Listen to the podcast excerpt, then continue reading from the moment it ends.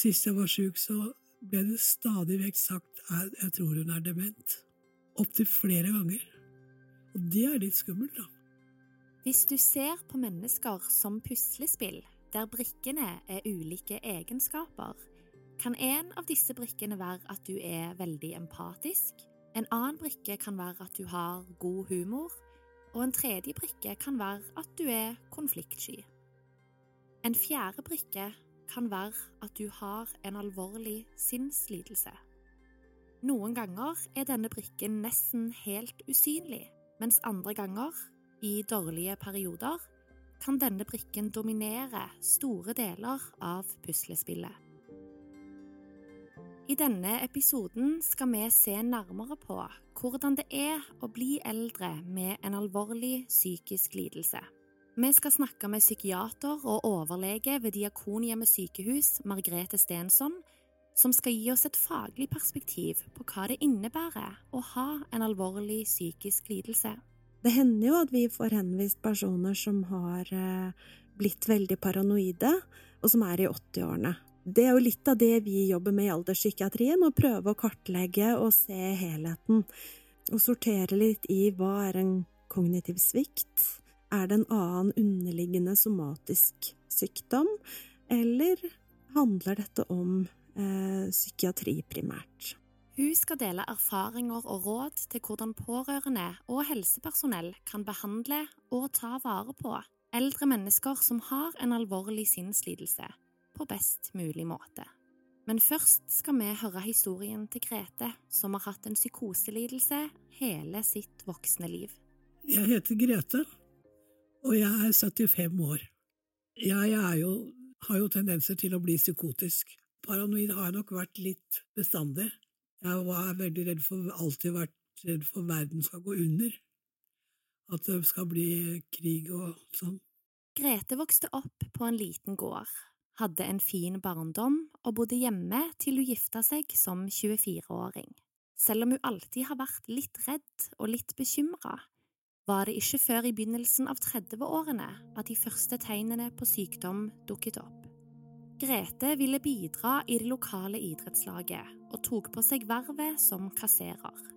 Etter hvert begynte hun å få paranoide tanker, og følte at folk mistenkte henne for å stjele fra kassen.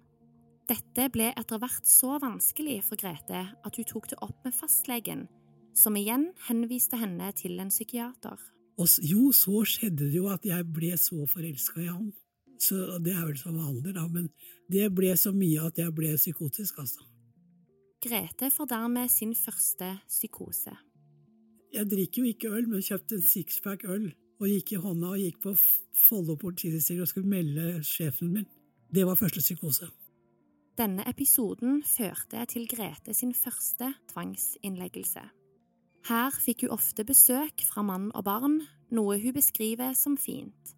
Men Grete mistrivdes i ekteskapet sitt, og dette mener hun kan ha bidratt til å utløse neste psykose. Da Grete ble psykotisk for andre gang, var hun oppe flere netter på rad. Jeg ser på TV, så trekker jeg ut det jeg sjøl vil, og tror at det er sant, da. Tror liksom NASA hjelper til, og, og så tror jeg at de kan lese hjerner. Jeg tror ikke at jeg er noen gud eller noe sånt, altså. Det går eh, mer på at jeg tror at andre kan ordne det, at andre klarer å få det til. Grete sitter oppe om nettene og plukker fram alle verdensdelene på kartet. Hun tar for seg én og én verdensdel for å prioritere hva som burde ordnes opp i først. Dette gjør hun 14 netter på rad. 14 dager uten søvn, 14 netter, og i full jobb i politiet. Selv om Grete ikke sover, fortsetter hun å gå på jobb hver dag samtidig som hun løser verdensproblemer på natten. Etter 14 dager møter hun opp på jobb i full utkledning. Jeg tok bikinibukse og én svart stay-up, bunadsko, og så hadde jeg en hvit, lang kjole med engelskbroderi, og så gikk jeg på jobb. Og da ringte de stille og rolig til dattera mi, og hun henta meg og fikk meg til legen. Ble lagt inn. Litt seinere bestemmer Grete seg for å skille seg fra ektemannen sin, og som nyskilt begynner hormonene til Grete å løpe litt løpsk. noe som igjen utløser en ny psykose. Så jeg løp jo så beina slang etter menn i 50-årsalderen, og tenkte jeg de tror vel jeg er eh, prostituert. Så kledde jeg meg ut igjen, da. Det er jo liksom det jeg gjerne gjør. Så jeg kledde på meg trangt skjørt, skinnskjørt og en bluse og skrev 'How much' på en svær lapp, og gikk ned i byen. Jeg ser det humoristiske i det, for det er jo faktisk galmannsverk. Det har sin verdi. Men jeg håper ikke jeg blir noe mer, får noe mer psykose. Selv om Grete kan se det humoristiske oppi det hele, er psykose en skummel diagnose å leve med. Psykose er jo altså redd også, vet du. Jeg er så redd idet jeg er psykotisk. Grete har fått mye hjelp fra helsevesenet gjennom livet, men hun har ikke alltid følt at hun har blitt tatt på alvor. Sist jeg ble syk, så ungene mine tok meg med begge to. Vi gikk på legevakta, og jeg var helt i en annen verden og satt og skvetta vann på gulvet og husker det så godt. Vi satt der hele natta. Ble ikke ferdig før klokka fem. Så det, er, var svakt av helsevesenet at, at ikke en slipper fram i køen når det er så åpenbart at noe er helt feil. Før det så hadde jeg vært på legevakta mange ganger og sagt at jeg er paranoid. Kan jeg bli lagt inn? Er det mulig å bli lagt inn? Sikkert tre ganger, før det da ble psykote. Grete forteller videre at hun av og til har hatt problemer med å kommunisere hvor alvorlig tilstanden hennes er i kontakt med helsepersonell. Hun har ofte ringt til legevakten for å fortelle at hun er paranoid, i frykt for å bli psykotisk. Men så sier de at nei, men du har jo så god innsikt i det sjøl, så derfor kan vi ikke gjøre noe. Grete har dermed blitt bedt om å holde seg hjemme, hvor hun har blitt stadig verre. Jeg har jo god innsikt i det, men det hjelper ikke når jeg skjelver og blir, får panikkangst, så klarer jeg ikke å bryte det. Men det er klart, de gangene jeg kledde meg ut og sånn, så var det jo bedre. Det burde jo ikke være sånn at man må kle seg ut for å bli tatt på alvor når man har en psykoselidelse. Og Grete har, gjennom livet, hatt noen uheldige erfaringer med behandlingen hun har fått gjennom helsevesenet. Det er jo ikke behandling i det hele tatt, det er bare oppbevaring. Det er ingen som snakker til deg, de bare skriver, og du blir behandla som om du ikke er noen ting. Det viktigste tipset Grete har til helsepersonell som jobber med mennesker som har en alvorlig psykisk lidelse, er at de må aktivere pasientene. De må ikke bare la psykotiske mennesker sitte i sine egne tanker, de må aktiveres. Går det ikke, så går det ikke, men prøv i hvert fall. Det er veldig, veldig mange som kan sjakk, for eksempel, eller Scrabble, som jeg liker, da. Eller bare yatzy, eller spille kort, eller Altså, de har selvfølgelig ikke tid til å sitte personalet, men prøve å sette sammen pasientene, for å sitte og se på TV som folk tar til seg som sitt. Så er det mye bedre å Hva heter det? Quiz, for eksempel. Ikke bare sitte der og alle sitter med hver sine problemer. Grete ønsker òg å bli møtt av helsepersonell på en måte som gjør at hun føler seg sett som et helt menneske, og ikke bare som en pasient. Man må prøve å snakke alminnelig, fordi at ja, at jeg jobba og var sjuk på natta, viser at du, er også frisk. Det er ikke bare, ikke bare svart, du har klare tanker ved siden av. Så ta gjerne kontakt. Ikke sitt og si så fin du er på håret og så fin genser du har og sånn, det liker jeg ikke. Prat om noe, hvordan livet, hva har du barn og hva, gjerne hva har du holdt på med? Spør, og snakk helt vanlig. I dag er Grete tilknytta en alderspsykiatrisk avdeling i Oslo som hun er veldig fornøyd med.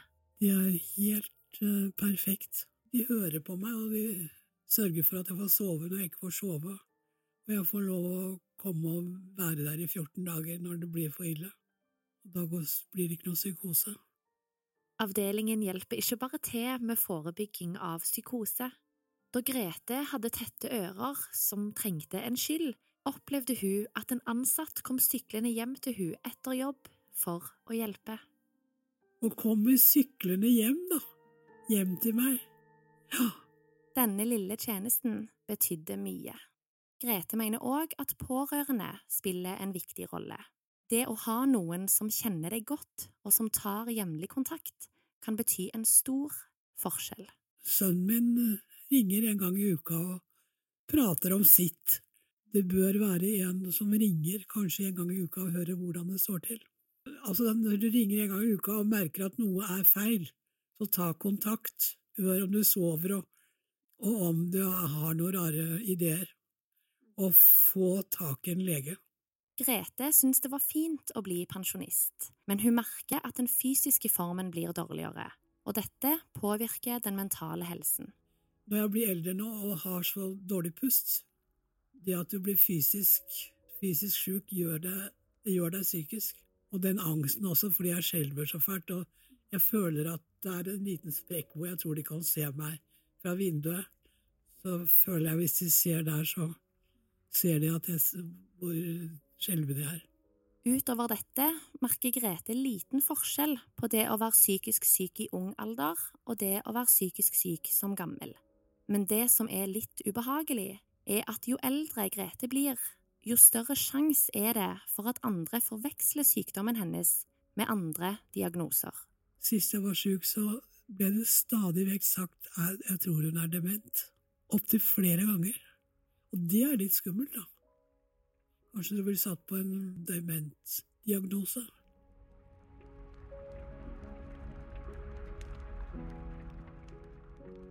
Det har nå gått fire år siden Grete sin forrige psykose. Nei, jeg lever som et vanlig liv, og nå er det jo bare så lite som skjer, og da takker jeg bøkene. Og det er så fint, for da må du konsentrere deg. Så jeg ser ikke så mye på TV. Det, det er også noe av paranoiden, at jeg er så redd jeg skal bråke. Så jeg leser. Jeg har jo levd et fint liv, da, vært gift i 25 år, og nå bor jeg aleine og har det veldig bra. Det har til og med en frier. Han er veldig, veldig godt humør. Så det står ikke på tilbudet, det er det som er det verste.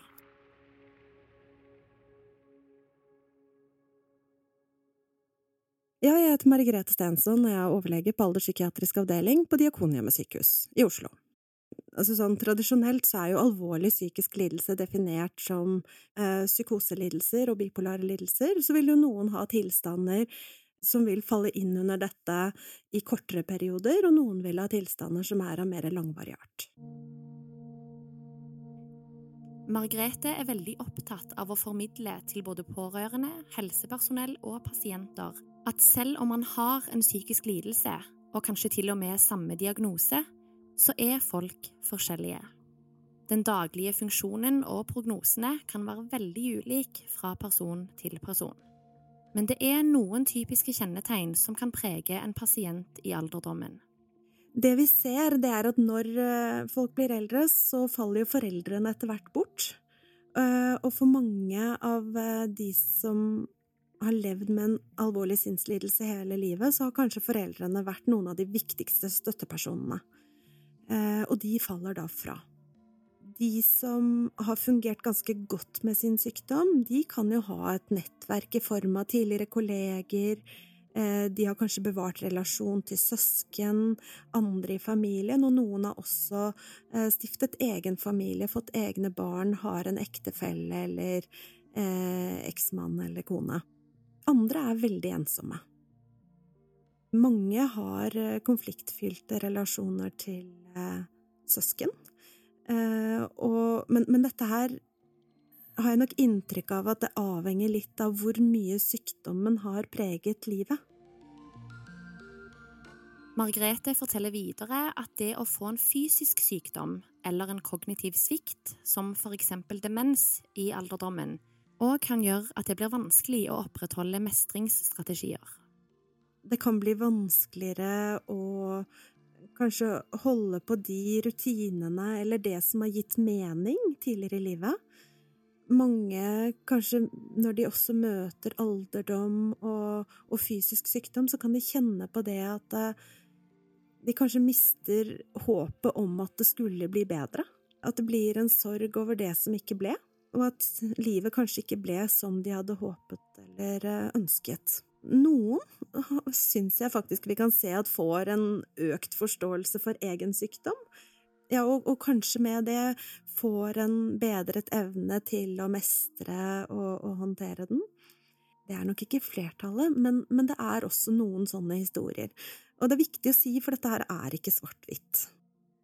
Men det er klart at ja, for noen uker siden så, så, snakket jeg med en av de jeg har kjent en stund, som hadde blitt mer preget av hørselshallusinose og var liksom mer inne i sin psykotiske verden enn vanlig.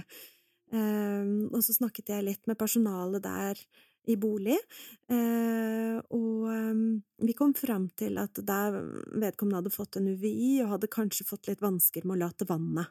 Det er jo helt sånn fysiske plager, men som så ut til å forverre psykoselidelsen. Ifølge Margrethe viser forskning at personer som har en alvorlig sinnslidelse, lever i gjennomsnitt 15 til 20 år kortere enn andre. En ganske liten andel av dette skyldes selvmord, mens en annen ganske stor andel av dette tallet handler om død av fysisk sykdom. Og, og, det er jo klart at det er såpass eh, alvorlig statistikk at eh, man må tenke mye gjennom hva handler dette her om når man jobber med denne pasientgruppen. Mange har jo vært veldig opptatt av eh, bivirkning av medisiner, eh, og det er nok én faktor som vi ikke skal se bort fra. Samtidig så ser vi jo det at dette her er mennesker som har mange livsstilsfaktorer som disponerer for sykdom.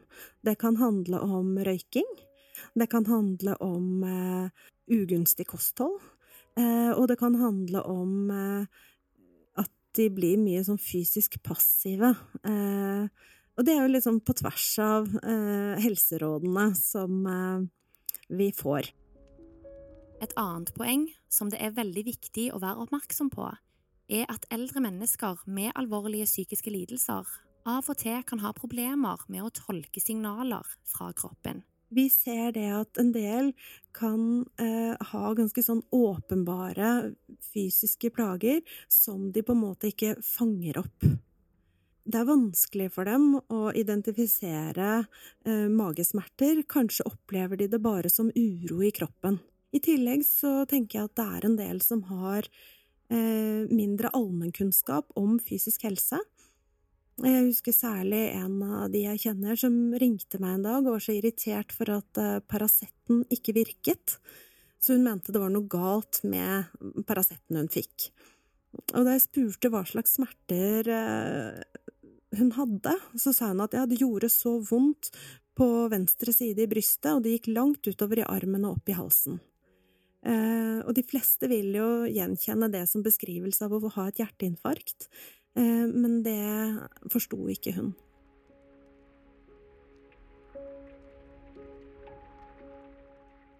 En annen utfordring for mennesker som har alvorlige psykiske lidelser, er at de gjennom hele livet har opplevd at de ikke har blitt tatt på alvor, noe som igjen kan få konsekvenser når man blir eldre og trenger hjelp. Mange av de som har psykose, de har en årelang erfaring med at de tingene som opptar deg mest, som bekymrer deg mest, avveies av andre. Eh, og det er ikke sikkert at det er så åpenbart at disse magesmertene var viktige å eh, gå til lege for, når ingen har brydd seg om drapsforsøk eller hva det nå er man har følt seg utsatt for. Og så aller sist så tenker jeg at eh, det dessverre nok også er litt fordommer hos helsepersonell eh, i møte med personer som har alvorlige sinnslidelser. For det er jo ikke sånn at om man har en schizofreni, så er man beskyttet mot å få kols eller angina. Man er like utsatt som alle andre, og statistikken sier jo egentlig at man er mer utsatt. Så jeg tenker også at vi som helsepersonell eh, må se på hvordan vi møter disse, og sørge for at de får den helsehjelpen de trenger, selv om de kanskje presenterer den på en litt annen måte enn gjennomsnittet.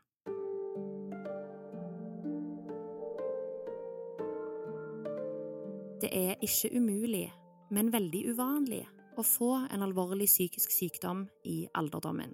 Likevel kan eldre mennesker oppleve å bli paranoide, og når disse menneskene oppsøker helsevesenet, er det viktig at de blir møtt av helsepersonell som tar de på alvor, og som undersøker nøye hva disse paranoide tankene egentlig handler om. Det hender jo at vi får henvist personer som har eh, blitt veldig paranoide, og som er i 80-årene. Og det er nok sånn at med tiden så pleier man nok å se at dette var starten på en demensutvikling, og ikke starten på en schizofrenisykdom. Eller at det var starten på et symptom på en annen somatisk sykdom, og ikke en primær eh, psykoselidelse. Sånn at det er jo litt av det vi jobber med i alderspsykiatrien, å prøve å kartlegge og se helheten. Og sortere litt i hva er en kognitiv svikt? Eh, blir dette en demens? Er det en annen underliggende somatisk sykdom? Eller handler dette om eh, psykiatri primært? Hvilke faresignaler er det da man bør være oppmerksom på når det gjelder mennesker som lever med en alvorlig psykisk sykdom, for å sikre at vedkommende får hjelp og behandling. Depressive faser vil jo være kjennetegnet av eh, lite energi, negative tanker av ulike slag, eh, noen kan ha mye skyldfølelse, noen kan eh, kjenne eh, mye håpløshet. Og dette her er jo ting som ofte svinger over tid, men når det blir veldig uttalt, så vil jo det være noe som kjennetegner en sånn depressiv fase. En manisk fase kjennetegnes jo mer av økt energi, at man får dårligere dømmekraft, at man kan få litt sånn overdreven tro på eh, hva man selv kan prestere. Eh, mange blir ukritiske, noen kan bli seksualiserende, noen bruker veldig mye mer penger enn det de ellers eh, ville velge å gjøre. Eh, og de kan på en måte oppføre seg på en måte som omgivelsene syns er helt uhørt, mens det kanskje i deres øyne, og der og da, fortoner seg helt greit. Um, så det er jo en atferd som ofte vil oppfattes som avvikende. Margrethe forteller videre at forverringsfasene til mennesker som har rene psykoselidelser og schizofreni, vil være kjennetegna av at de psykotiske symptomene eller plagene som den enkelte har, forverres. For noen så kan det bety at de isolerer seg mer, trekker seg mer tilbake. Eh, de er jo ofte ikke til sjenanse for andre, men i sånne, far, nei, i sånne faser så eh, kan på en måte evnen til å ivareta seg selv, egne helt sånn basale behov, den kan egentlig bli helt borte. Så noen, de kanskje de ikke får handlet seg mat. Eh, de får ikke vasket seg, de får ikke ivaretatt eh, det helt nødvendigste, og, i verste fall så kan det bli livstruende. Andre de kan eh, bli mye mer preget av tankeforstyrrelser, opplevelse av kaos. Og andre igjen kan bli veldig, veldig mistenksomme eller bli helt overbevist om for eksempel disse bisarre forestillingene blir så fortvilt over dette mennesket som infiltrerer dem og som styrer dem og sånn, at de ikke vet hva de skal gjøre, eller at de ikke holder ut. Så hva bør man gjøre dersom man jobber i helsevesenet og mistenker at en pasient er inne i en forverringsfase? Ofte så tenker jeg det at hvis man, eh, for eksempel i en hjemmetjeneste, da, treffer en person og tenker at neimen, dette var rart, eh, nå sa noe som høres rart ut, eller sånn, så kan det være vanskelig å vurdere hvis dette er en person man ikke kjenner fra tidligere. Eh, og da kan det være lurt å kontakte enten andre i hjemmetjenesten, som kjenner vedkommende fra før av. Eh, man kan rådføre seg ved et DPS eller Eh, med annet helsepersonell som kjenner pasienten fra før av, eventuelt fastlege, eller kanskje man har en avtale om at eh, man kan ha, være i dialog med pårørende. Sånn at man får sjekka ut er, det, er dette vanlig for den personen, eller er dette her uttrykk for en forverring, og, og bør vi eh, bli bekymret? Men kan mennesker med psykoselidelser være farlige for seg selv eller andre?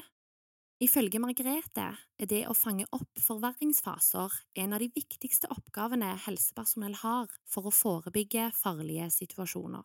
Det å ha en schizofrenidiagnose, for eksempel, da, i seg selv, eh, det betyr ikke at man er farlig. Og det er viktig å vite. Så leser vi jo fra tid til annen om hendelser eh, og voldshendelser som er begått av personer som er psykotiske eller maniske.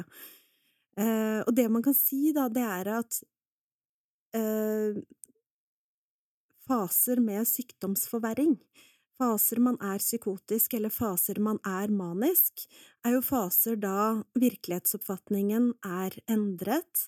For mange så vil dømmekraften også være svekket. Eh, og da endrer jo vurderingsevnen seg, da endrer eh, resonnementene seg. Eh, og da kan det fortone seg for eksempel helt nødvendig å forsvare seg mot noe som er truende. Eh, og det betyr jo at man i den fasen kan være farlig. Eh, så det å fange opp forverring av disse sykdommene og sikre behandling av det, det er kanskje det viktigste vi kan gjøre for å forebygge fare og voldshendelser. En annen type fare handler om selvskading. Ved for eksempel bipolare lidelser kan man ha alvorlige depresjoner, og for en del vil disse depresjonene være ledsaga av økt fare for selvmord. Det er òg en av grunnene til at det er viktig å fange opp disse fasene, gi god behandling og sikre bedring. Egentlig både i de fasene hvor man kan være til fare for andre, og i faser hvor man kan være til fare for seg selv, så er det ofte behov for innleggelse på sykehus.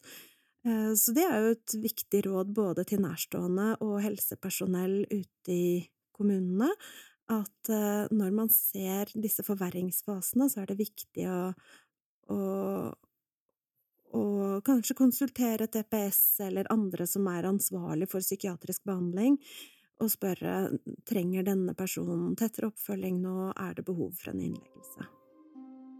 Det å leve med en alvorlig psykisk lidelse betyr for mange å være veldig redd i perioder. Det kan bety at man går søvnløs i flere døgn. Jeg vet jo folk som har sittet våkne hele netter fordi at de har følt at de må sitte og passe på. Eh, for de mener seg utsatt for drapsforsøk, eller at det skjer uhørlige ting hvis de ikke er på vakt. Eh, så det å ha en psykose eh, å være måte veldig preget av de vrangforestillingene, eller for den saks skyld være manisk, det er en stor stress for kroppen. Og det tenker jeg også kan bidra til dette her at vi ser at alvorlig sinnslidelse gir en kortere forventet levealder. Eh, og, og at det å Eh, hvis man klarer å gjøre de alvorlige forverringsperiodene færre og kortere, eh, så kan det sånn sett være gunstig.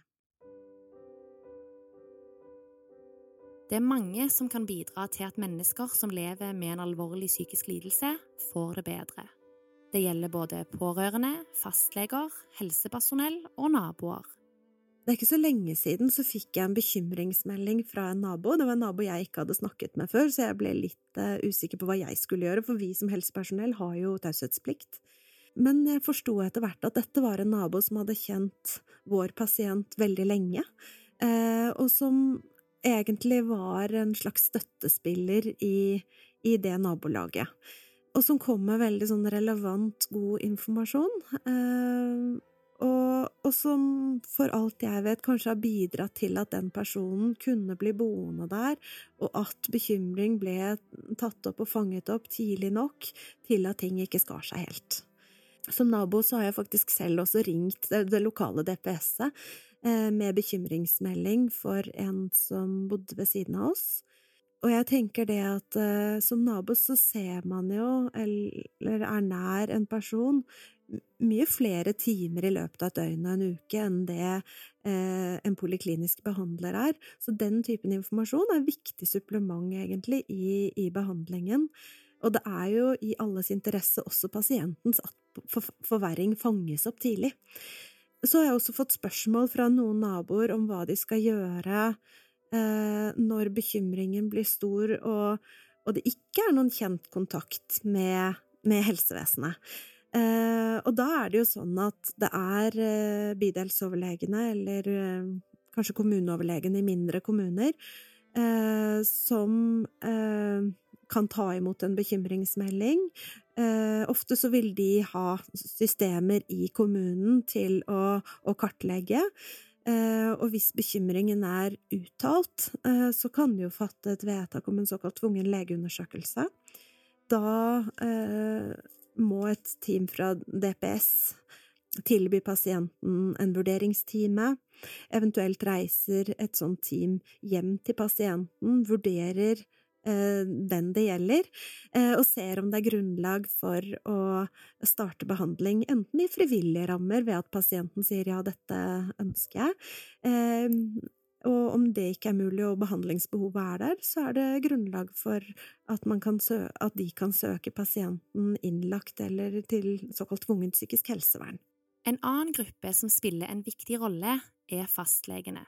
Eh, for en fastlege så er det jo Det ene går jo kanskje på dette her med eh, oppfølging av den psykiske tilstanden.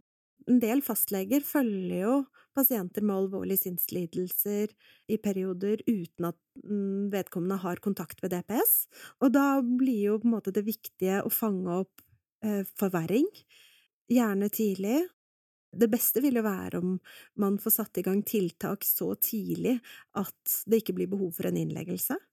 Eh, eller så tidlig at en innleggelse kan skje i frivillige rammer, istedenfor at det blir så ille at det er nødvendig å, å bruke tvang. For fastleger så vil det jo være veldig nyttig hvis man har så mye erfaring med denne sykdommen at, at man kan gjøre avtaler om hva man gjør hvis det blir forverringstegn. En annen viktig oppgave som fastlegene har, er å fremme mestring av sykdommen. For i gode faser er det mange som lever godt med en alvorlig sinnslidelse, og kanskje er det nettopp fastlegene som ser flest av disse pasientene, ettersom det ikke er nødvendig å henvise de til spesialisthelsetjenesten. I tillegg er det viktig at fastlegene fanger opp fysiske sykdommer. For som allerede har vært inne på, er mennesker med en alvorlig psykisk lidelse en pasientgruppe som kan ha vanskeligheter med å forstå symptomer fra kroppen sin. De har kanskje en erfaring med at det som bekymrer dem mest, blir avfeid av andre. Mange har jo kanskje vært bekymret for overvåkning, eller at de mener seg bestrålt, eller sånne ting, og blir avfeid gang etter gang etter gang, og da er det kanskje ikke så lett å skjønne at dette såret eller eh, denne smerten var det viktig å søke hjelp for. Fastlegene har òg et godt utgangspunkt når det gjelder kjennskap til pasientene. Margrethe forteller at akuttjenester som legevakten fort kan bli litt usikre på hvordan de skal tolke, og om de kan stole på, beskjeder fra mennesker som har en alvorlig sinnslidelse. Eh, en fastlege har jo den fordelen at de kan ha kjent en person over lang tid. Eh, og det er jo et veldig nyttig utgangspunkt, for da kan man vurdere hva er annerledes. Eh, og er man i tvil, så syns jeg man skal ha lav terskel for å ringe og rådføre seg. I hvert fall de som har oppfølging i spesialisthelsetjenesten, har jo noen som kjenner dem, og som kanskje kan være en god sparringspartner, da, hvis man er i tvil. Eh, og så kommer man jo til dette her at noen kanskje motsetter seg behandling, til tross for at behandlingen kan være helt nødvendig, den kan være livreddende, og da kommer det jo både faglige, etiske og juridiske dilemma. Eh, hvor mye skal man jobbe for å motivere pasienten? Eh, er det så viktig å gjøre dette at det er eh, nødvendig å vurdere bruk av tvang? Har pasienten samtykkekompetanse i forhold til denne problemstillingen eller ikke? Det er vanskelige vurderinger. Er pasienten Altså, er fordelene ved å få denne behandlingen sannsynligvis så stor at det veier opp for belastningen det medfører. Sånne avveininger, de er vanskelige, eh, men noen ganger helt nødvendige. Og jeg har truffet flere som er blitt behandlet mot sin vilje for fysisk sykdom, som har vært veldig takknemlige for det i ettertid. En tredje gruppe som spiller en viktig rolle når det gjelder hjelp og forebygging, er pårørende. Det er veldig forskjell på hva slags rolle pårørende får. Eh, noen pårørende er veldig nære, de er eh, helt klart kanskje pasientens viktigste støttespiller, og da er de også viktige både som støttespiller i det daglige, som kanskje noen som bidrar til at dagene blir trygge. Man vet en del om at uh, hvis pårørende klarer å unngå hva skal jeg si, litt sånn høyt emosjonelt trykk, Eh, de der veldig sånn opphetede konfliktene, så er det gunstig for sykdommen.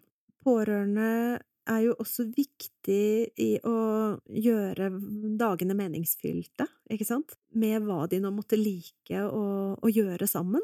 Men det er også sånn for helsevesenet så er det jo nyttig å ha pårørende som både sier ifra når de blir bekymret, som eh, sier noe om hva de syns fungerer, hva de syns ikke fungerer. Margrethe forteller videre at hun har forståelse for at mange pårørende kan oppleve det som slitsomt at fagpersoner som leger, sykepleiere og psykologer bytter jobb, og at nye kommer til. Da hender det at pårørende kanskje blir den viktige, viktigste kontinuitetsbæreren, den som har sett pasienten og situasjonen over tid, og som kan si noe om hva som er viktige tegn på forverring, hva som pleier å hjelpe, hva som er forsøkt og som ikke har hjulpet, og dette er veldig viktig å, å ta med videre i behandlingen, så skal det også være dokumentert i journal, men, men eh, jeg tenker pårørende har en viktig rolle der. Det finnes òg mange pårørende som har et konfliktfylt forhold til pasienten. Dette kan være veldig vanskelig, og noen pårørende opplever til og med å bli utsatt for trusler og vold. No, noen har jo da behov for å regulere hvor tett de er på pasienten i ulike perioder, og noen velger kanskje å trekke seg veldig unna. Og der tenker jeg det er ikke noe fasit, det går ikke an å si at noe er riktig og galt. Og, og, noen pasienter er jo også så sint eller mistenksom eller sånn på sine nærmeste at de ikke engang ønsker at de skal stå som pårørende i journalsystemene, at de ikke skal få opplysninger om innleggelser og sånne ting. Og da, det er ganske… det åpner for mange dilemmaer. Margrethe har lang erfaring i alderspsykiatrien og hun mener at det er flere ting i helsevesenet som kan bli bedre når det gjelder ivaretakelsen av eldre mennesker som har en alvorlig sinnslidelse. En av de veldig uheldige trendene i helsevesenet nå, det er at veldig mange yrkesgrupper bruker veldig mye tid på byråkrati. Eh, på å dokumentere, på å begrunne, på å skrive vedtak, eller på å registrere. Og jeg syns det er veldig synd at man fjerner tid fra pasientkontakt eh, til mer administrativt arbeid. Så jeg ville nok ha sett hva man kunne gjøre for å minske eh, den administrative delen av arbeidet. Margrethe forteller videre at det finnes flere ufaglærte som jobber i hjemmetjenesten og på sykehjem. Hun mener det er viktig å sikre at ansatte uten fagkompetanse får grunnleggende kunnskap og faglig påfyll om den pasientgruppen de jobber med. I tillegg mener Margrethe at fokuset på å være effektiv er en trend som kanskje påvirker eldre pasienter mer enn andre. Eldre de trenger jo faktisk en del tid, eh, og jeg syns nok at noen blir litt sånn kasteballer i systemet. Eh, det er blitt ganske mange ulike instanser. Her i Oslo så har vi eh, sykehus, så har vi helsehus, og så har vi en sånn kommunal akutt døgnenhet, og så har vi sykehjem, og så har vi omsorgsboliger. Vi har også trygghetsavdelinger, må vite, og disse har ulike journalsystemer, informasjonsflyten er dårlig, eh, og jeg synes nok ofte at de som jobber med pasienten i det daglige, kanskje ikke vet nok om hvordan er denne personen når den er eh, på sitt friskeste? Hva kan vi forvente av bedring, og hva kan vi ikke forvente? Og vi ser jo også at de tilbudene der de klarer å gi bedre kontinuitet, de klarer faktisk også å hjelpe ganske syke mennesker på det de vil kalle et forholdsvis lavt omsorgsnivå. Men, men det å ivareta kontinuiteten, det tror jeg er en suksessfaktor.